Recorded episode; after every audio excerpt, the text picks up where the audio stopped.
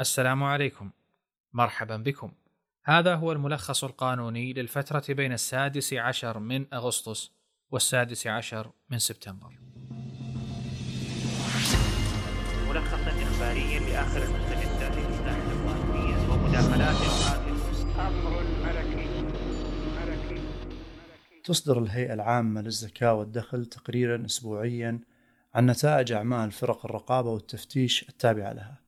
تبين فيها عدد المخالفات المضبوطة وعدد الزيارات التفتيشية والبلاغات التي تم تلقيها من المواطنين والمقيمين. وباستقراء الأخبار والتقارير التي نشرتها الهيئة في الأسابيع الأربع الماضية يمكن الخروج بالنتائج التالية.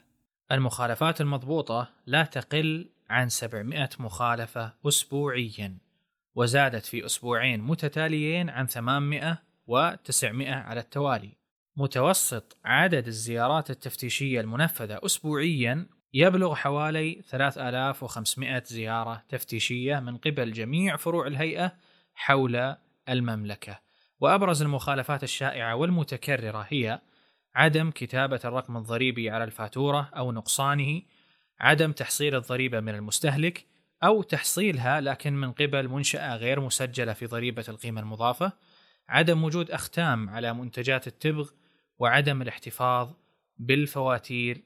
وفي نهاية كل تقرير تدعو الهيئة المستهلكين إلى التبليغ عن أي منشأة لم تطبق النسبة المحدثة آه، لضريبة القيمة المضافة. وذلك من خلال قنوات متعددة كالموقع الرسمي للهيئة ومركز الاتصال الموحد حيث أن الهيئة تقدم مكافآت تشجيعية للمبلغين عن المخالفات الضريبية تقدر ب 2.5 من قيمة المخالفات والغرامات وبحد أقصى مليون ريال أو ألف ريال كحد أدنى. وذلك حسب المادة السابعة من لائحة المكافآت التشجيعية للمبلغين عن المخالفات الضريبية الصادرة بقرار مجلس الوزراء رقم 458 وتاريخ 11 8 1440 والخبر الثاني في الملخص هو من رئيس ديوان المظالم حيث صرح بأن التقاضي عن بعد في المملكة سيكون مسارا وليس خيارا.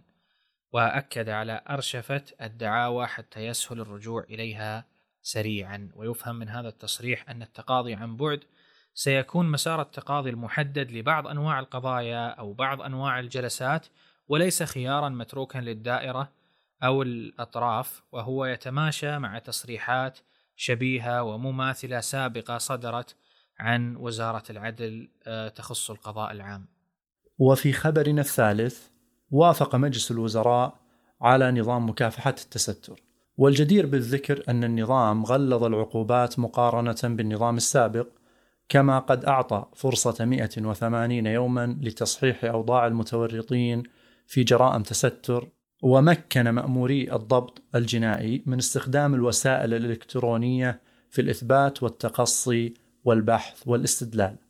وبحسب قرار مجلس الوزراء وتحديدا البند ثالثا تقوم وزارة المالية بالاتفاق مع وزارة التجارة بتخصيص مبلغ مالي لدعم جهود مكافحة ظاهرة التستر وتشجيع نمو المنشآت الصغيرة والناشئة ورواد الأعمال.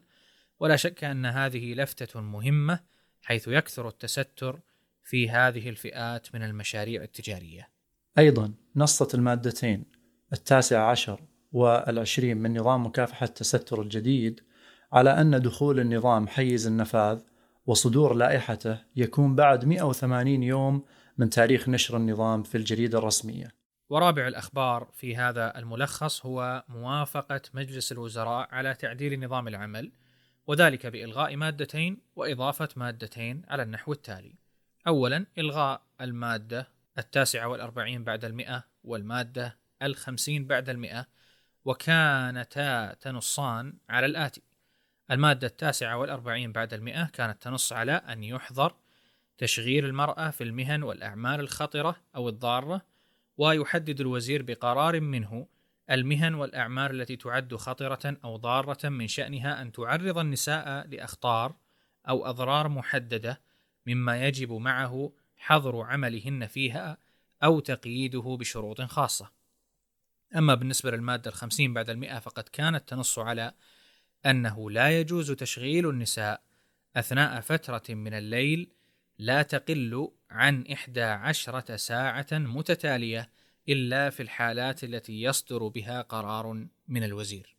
ثانيا إضافة مادة رقم 131 مكرر آه، ونصها يحدد الوزير بقرار منه المهن والأعمال التي تعد خطرة أو ضارة أو من شأنها أن تعرض العامل لأخطار أو أضرار غير عادية والفئات التي يحظر دائما أو مؤقتا تشغيلها فيها أو يكون تشغيلها فيها بشروط خاصة بما في ذلك مدى الحاجة إلى تحديد أوقات العمل لأي من تلك الفئات وذلك بما يتوافق مع التزامات المملكة ذات الصلة آه، الواردة في الاتفاقيات الدولية.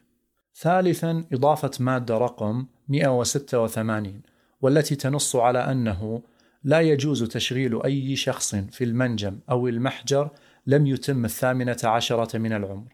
ويفهم من إلغاء كل من المادة التاسعة والأربعين بعد المئة والخمسين بعد المئة سعي الوزارة للمساواة بين الجنسين من ناحية طبيعة العمل وعدد الساعات بشكل خاص والمساواة في الفرص الوظيفية عن طريق إزالة عوائق عمل المرأة عموما. أما المادة الواحدة والثلاثين بعد المئة مكرر فتهدف إلى ترك سلطة تقييد عمل أي فئة من الفئات العمالية متاحة للوزير فيما قد يصنف كعمل ضار أو خطر وذلك بالتوافق مع التزامات المملكة الواردة في الاتفاقيات الدولية.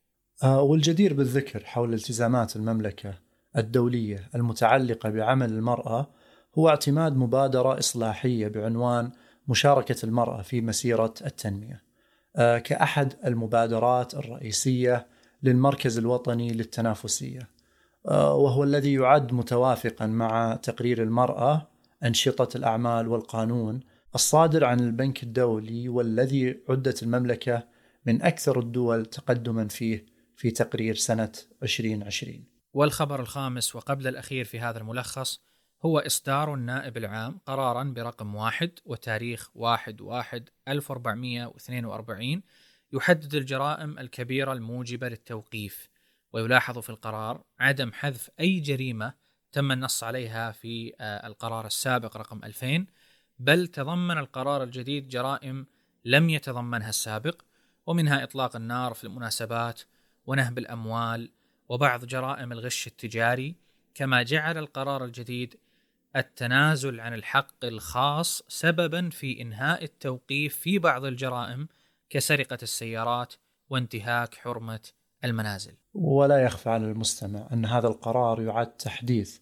للقرار رقم 2000 الصادر من وزير الداخلية بصفته مرجع للنيابة سابقا مما يؤكد انفصال واستقلال النيابة العامة وعدم تبعيتها للسلطة التنفيذية. آه، وعلقت النيابة العامة بأن هذا القرار أتى بعد مراجعة شاملة لتصنيف الجرائم حيث تمت مراعاة التوازن بين حقوق المجتمع وأمنه واستقراره وبين حقوق المتهمين بحيث لا يكون هناك إفراط ولا تفريط.